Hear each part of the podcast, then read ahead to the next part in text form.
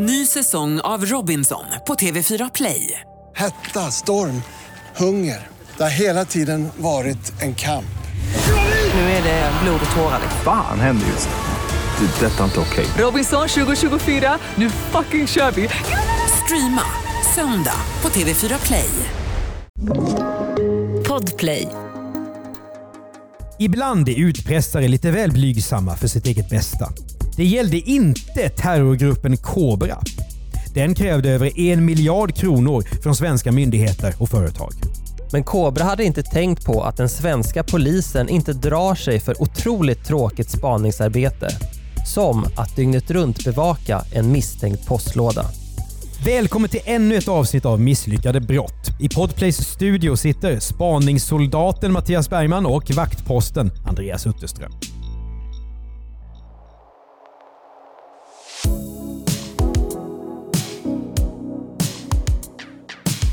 Volvo, SJ, Arla och LM Ericsson har en sak gemensamt. De är alla kronjuveler bland framgångsrika svenska storföretag och skapar inte bara tusentals jobb utan drar också varje år in miljarder kronor till statskassan. Men 1983 har de här företagen också en annan sak gemensamt. Deras ledningar har fått mängder av hotbrev från en terrorgrupp som kallar sig Kobra och som signerar sina maskinskrivna brev med bokstaven C. Den här typen av försändelser dimper ibland ner hos framgångsrika företag och rika privatpersoner. Ofta kan de avfärdas som rena dumheter eftersom det genast märks att de är skrivna av förvirrade personer som suttit och fantiserat fritt hemma på kammaren. Men den här gången tas breven på mycket stort allvar och det beror på hur de är formulerade. Det är helt uppenbart att det här är något helt annat än en vanlig knäppskalle. Terrorgruppen har tänkt efter. Breven innehåller detaljerade planer över hur post och bankkontor, järnvägsstationer, flygplatser och andra strategiska mål i Sverige ska saboteras om lösensumman inte betalas ut. Därför tar polisen hoten på största allvar. Ett exempel kommer från november 1983. Då stängs E4 mellan Stockholm och Arlanda av efter ett av Kobras hot. I en klippskreva ovanför motorvägen hittas en betongklump som polisen misstänker innehåller en bomb. Det visar sig vara en attrapp. Men polisen kan ändå inte andas ut. För när teknikerna undersöker anordningen drar de en skrämmande slutsats. Den eller de som har konstruerat attrappen har faktiskt kunskaper på området. Det innebär att terrorgruppen har det kunnande som krävs för att tillverka en riktig bomb. Därför kanske det skulle smälla på riktigt nästa gång och i värsta fall sluta i massmord. Men det är inte bara stora svenska bolag som får de här hotbreven. Detsamma gäller märkligt nog också rikspolischefen Holger Romander. Han får ta emot mängder av brev. Varför det? Jo, därför att Kobra kräver att han ska fungera som en länk mellan gruppen och de som hotas. Så här kan ett brev vara formulerat. Och då är detta brev daterat den 1 maj 1984 och det är skickat inte bara till eh, rikspolischef eh, Holger Romander utan också till avdelningschef Hjälmroth och statsminister O Palme. Och då står det så här. Våga lita på oss. Avstyr denna destruktiva och misstänkliggörande utveckling innan den kulminerar i en situation helt utom er kontroll. Detta att vi i bilagda releaser meddelar att vi uppvaktats ur ambassadledet är en realitet, ej en taktisk konstruktion. Uppriktighet och stora ord har en förmåga att verka provocerande. Detta till trots vädjar vi. Ni som är förtrogna med underliggande hotbilder bör vara förtrogna med vår reella styrka. Tvinga oss inte att krossa er. Med dialog förstås att ni meddelar att, att Riksbanken är beredd överföra sammantagen lösen till en av oss angivet konto i affärsbank. Vi är djupt och uppriktigt oroade över att denna operation ska accelerera utöver vår kompetens. Härför utvecklar vi ärendet i lågsam takt i förvissning om att ni säger stopp när så blir av nöden tvunget. Vi understryker att vi ej avser utföra skenvarsel. Varslad enhet blir skarp. Sanningen är vårt vapen. Och så är det underskrivet C. Ja, Andreas. Och här förstår väl lyssnaren varför vi pratar om det här caset. För inga utpressarbrev i Sveriges historia kan ju vara skrivna på den här kanslisvenskan. Det här, man får ju också intryck, tycker jag, att det här är skrivet av någon som vill göra sig märkvärdigare än vad hen är. Alltså det här är lite så här rättshaveristiskt formulerat. Alla som har sett brev från rättshaverister vet att de ofta använder en slags låtsas juridiskt språk som de inte riktigt bottnar i. Och här är det väldigt mycket kanslisvenska fast på ett dåligt sätt. Alltså det är otroligt märklig ton i det här brevet. Alltså, det är ju bitvis nästan obegripligt även för polischef eh, Romander tror jag. Men du som har varit redaktör på DN har väl fått din beskärda eh, brev från läsare som är ungefär på det här sättet, misstänker Ja. jag. Ja, oh ja, ej sällan skrivna med enbart versaler. Mm. Ehm, så att absolut. Men jag tänkte att eh, du är ju ibland inte så nöjd med hur, när jag skriver mejl och så, men du kan ju inte... hi- Så här långt har jag inte gått. Ja, Du, skri, du skriver ju mer formellt än vad jag gör, så då får vi, brukar vi mötas någonstans på mitten. Men det här är otroligt tillkrånglat och lite åt det här hållet kan det vara eh, i vissa domare som vi har läst i Misslyckade brott, när domaren är gammaldags och skriver på ett tillkrånglat sätt. Alltså höjer nivån så mycket så att bara de eh, inbördes juristklubben kan läsa. Så att jag tror att det här är något, något slags försök att få viktiga människors respekt, skulle jag tro. Ja du Andreas, 2006 så kom det en bok om det här fallet som heter En fantastisk idé skriven av journalisten Jens Nordqvist och statsvetaren Dan Hansén. Och Du skrev ju då en artikel om den här boken i tidningen Aftonbladet och pratade med Holger Romander som fick det här brevet. Han är ju nu avliden, men vad sa han då? Jo, han sa så här. Till en början uppfattar vi brevskrivaren som en galen person, men så, så småningom kom konkreta utpressningshot och då blev det direkt kriminellt. Och Sen sa de andra också så här. Det visade sig efterhand att den här mannen kunde det han påstod sig kunna. Inte minst hoten mot SJ var väldigt obehagliga där det handlade om att skada tågförare. Det var väldigt otäckt och skapade en stor oro bland personalen. Ja precis, för som du sa, det här, eh, han, Kobra då, den här gruppen, utpressar ju på miljarder totalt. Det är ju gigantiska summor i de här breven. Så är det och nu läste vi ett av breven här som är väldigt vagt, men det finns ju också andra brev med mycket mer konkreta hot och där man kan ana att den här eh, gruppen vet vad den pratar om och har ägnat sig ganska mycket åt planering. Så därför måste ju polisen ta det på allvar. Så vad gör nu polisen? Jo, 1983 samlas representanter från de kontaktade företagen till ett möte.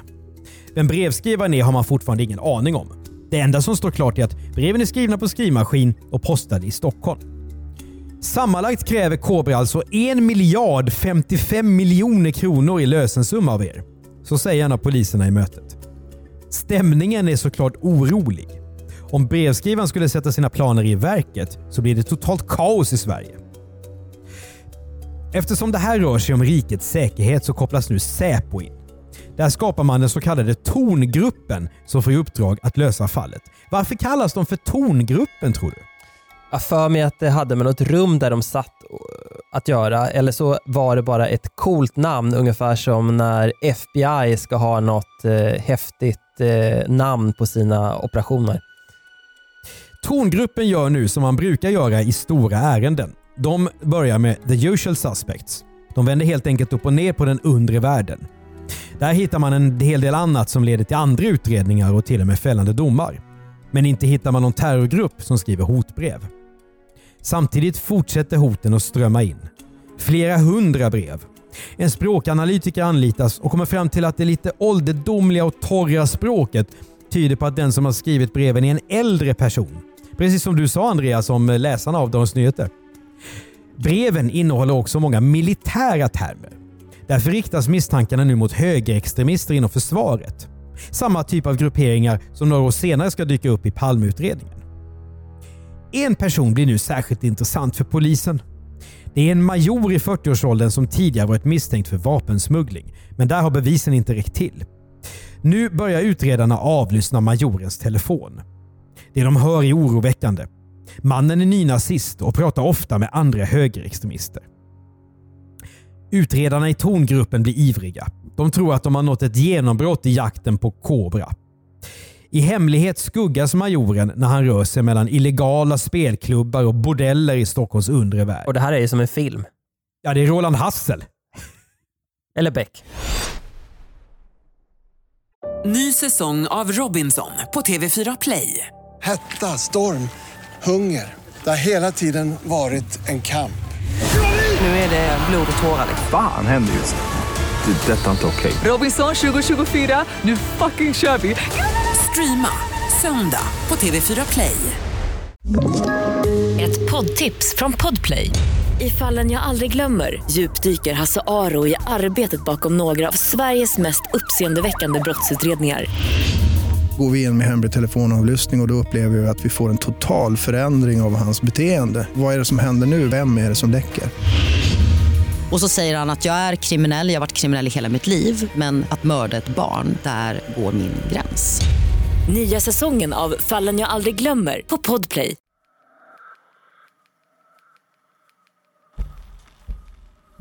Polisen upptäcker knarkhandel, försäljning av stulna bilar och penningtvätt. Och när majoren passerar postverkets brevlådor är spanarna på tårna. Är det nu han ska posta ännu ett av sina märkliga hotbrev? Men ingenting händer. Och när ytterligare ett hotbrev kommer in så inser polisen att majoren inte har med terrorgruppen Kobra att göra. Eftersom han bevakats dygnet runt kan han helt enkelt inte ha postat brevet. Majoren läggs åt sidan. Oro sprider sig i tongruppen. Det finns inga bra spår, samtidigt som hotbreven bara fortsätter att strömma in. Även om Kobra hittills inte har gjort verklighet av hoten så kan man inte andas ut.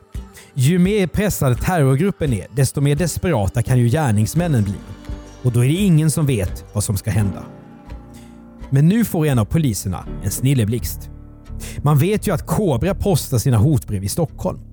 Så varför bevakar man inte helt enkelt alla 700 gula postlådor i staden? Metodiken påminner om den som åtta år senare gör att Lasermannen kan gripas när polisen har kontrollerat alla vita Nissan Micra SLX-bilar i hela Sverige. Till slut bestämmer sig utredarna för att hårdbevaka en viss brevlåda som är särskilt intressant och som kan identifieras genom poststämplarna på hotbreven. Den finns vid Klarabergsviadukten i centrala Stockholm. Och Det här är ju liksom en tummelplats för oss sena postare, Andreas. För det är ju den här akutlådan som töms sist i hela innerstan. Precis, och som är väldigt populär när eh, det börjar bli dags att deklarera när folk springer dit i panik sista dagen. Jag har själv stått där utanför, där i vad är det, första maj eller vad det är när man ska kasta in den här deklarationen. Innan det var digitalt. Det här är ju i alla fall 1980-tal, så det är före de många övervakningskamerornas tid. Så polisen måste övervaka den här postlådan dygnet runt med hjälp av riktiga spanare. Alla som postar brev videofilmas i smyg. Det är oerhört tråkigt och tidsödande. Ett polisarbete långt ifrån det som framställs i till exempel Beck-filmer. Men den här metoden ska samtidigt visa sig vara oerhört framgångsrik. För till slut får polisen napp. En man i 30-årsåldern postar en tjock bunt C5-kuvert. Ja, Andreas. C5-kuvert, det får du nästan förklara. Men det är väl brev som eh, rymmer ett A4 utan att man har vikt det? Nej, det rymmer ett A5. Ett A5? Det är därför det heter C5. Ja, det gör det naturligtvis. Det är ju ännu större. Nej, mindre. Det är Vänta, ett halvt A4. ett halvt A4? Du viker ett A4, då får du in det i ett C5. Ja, men det är det, det klassiska kuvertet helt enkelt. Ja. Exakt. ja, men det är bra att du redde ut det för jag tänkte faktiskt fel där. En man i 30-årsåldern postar alltså en tjock bunt sådana här C5-kuvert av samma typ som Cobra alltid brukar använda. Postlådan töms omedelbart och där finns mycket riktigt en hel bunt med maskinskrivna hotbrev. På videofilmen är mannen som postat breven klädd i skinnjacka med vit teddykrage. Samtidigt kan polisen inte vara säker på att det är samma person som postat breven som faktiskt har skrivit dem. Mannen med skinnjackan kanske bara är en kurir som inte har med saken att göra. Ingen vet, men klart står att mannen måste identifieras och förhöras. Men vem är nu den här mannen i skinnjacka egentligen? Utredarna i tongruppen frågar någon som de tror borde veta. Alvar Hägglund. Alvar med två L. Jajamän. Ja, han är en legendarisk spanare som bland sina poliskollegor är känd för två saker. Ett. Sin koll på Stockholms undre värld. 2. Sitt imponerande minne. Det här är ju lite som figuren Fredrik Melander i Sjöwall Wahlöö-deckarna.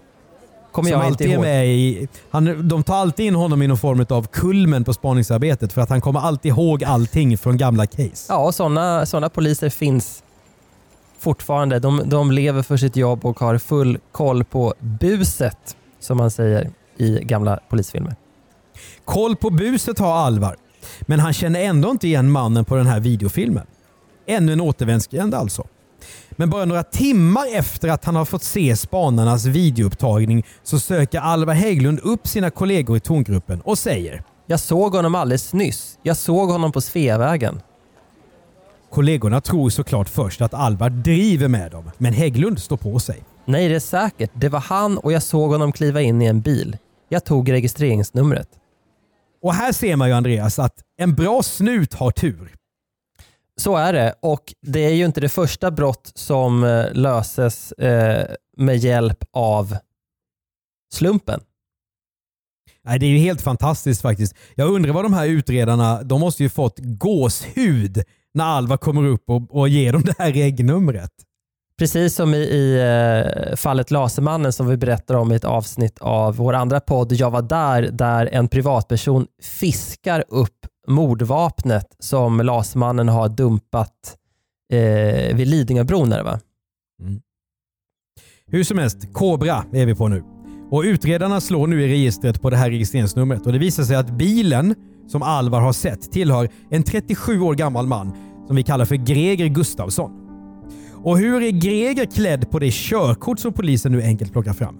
Jo, i samma skinnjacka med teddykrage som den mystiska mannen som smygfilmades av polisen vid Klarabergsviadukten hade på sig. Det är också vissa odds på det, att han till och med har samma jacka på sitt passfoto. Otroligt. Som, som du säger, de måste ha fått gåshud och gjort vågen där inne i utredningsrummet. Ja, för att vi pratar ju här, eh, det ska man inte glömma bort, det har varit hundratals brev med hot om, om stora, stora terrorvåldhändelser eh, händelser alltså. Och inte ett spår efter den här personen. Så att det här är ju ett stort genombrott i utredningen såklart. Här skulle man kunna tänka sig att om du och jag hade suttit i det rummet så hade vi ju kutat ut fort som ögat efter Greger. Men det gör ju inte de här poliserna. De tycker att de behöver mer bevis. Så de skuggar Greger istället, dygnet runt. Och det visar sig att han jobbar som taxiförare. Greger är något av en pedant och hans taxi är alltid i perfekt skick. Men han har också en annan sida. Hans chef stör sig på att Greger ofta har synpunkter på hur företaget borde skötas. En typisk petimäter helt enkelt. va? Precis så är det. Som vi väl alla har träffat på någon arbetsplats någon gång. Ja, men i det här fallet så är han ju då också väldigt duktig på sitt jobb. Mm. Han drar alltid in mest pengar under ett arbetspass. Det är ju faktiskt ganska skickligt för som taxiförare kan man ju inte styra så mycket. Om det Nej, är något folk ute får man ju inte köra. Och det gör ju naturligtvis att chefen, kan man ana, tycker att eh, det är värt besväret att stå ut med eh, Gregers inspel om eh, hur han borde sköta sitt jobb. Tänk om det är nu Greger som är skyldig till de här hotbreven. Tänk dig hur han i så fall skulle formulera skylten “Din mamma jobbar inte här” i personalköket. Han känns som en person eh, som säkert har satt upp en och annan sån lapp både i pentryt på jobbet och i sin egen tvättstuga. Utredarna konstaterar nu att det här onekligen är högintressant. Det känns rimligt att en märklig pedant är den som har skrivit de konstiga hotbreven. När Greger Gustafssons bakgrund granskas visar det sig också att han har militär bakgrund och vid flera tillfällen har gjort FN-tjänst.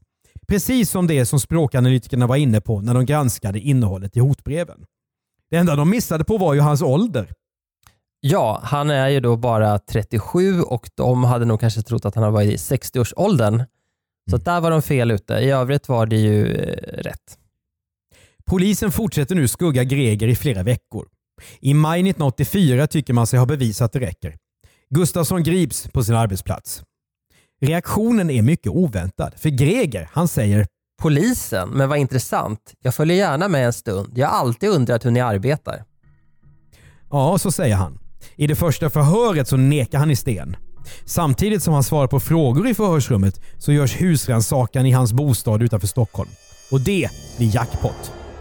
I ett kassaskåp hittar polisen en radiomottagare som har använts i de kontakter med polisen som inte handlat om skriftliga hot. För sådana har Kobra också ägnat sig åt. Och hotbreven då? Jo, hemma hos Greger hittar polisen också kopior på alla skickade brev. Så han skrev inte bara hundratals hotbrev, han kopierade dem också så han skulle liksom ha arkiv. Ja, han hade nog blivit en bra arkivarie, tror jag. Ja, eller riktigt, riktigt dålig med tanke på att det begått kupper på bibliotek också. Dessutom finns en mycket utförlig dagbok på Gregers skrivbord.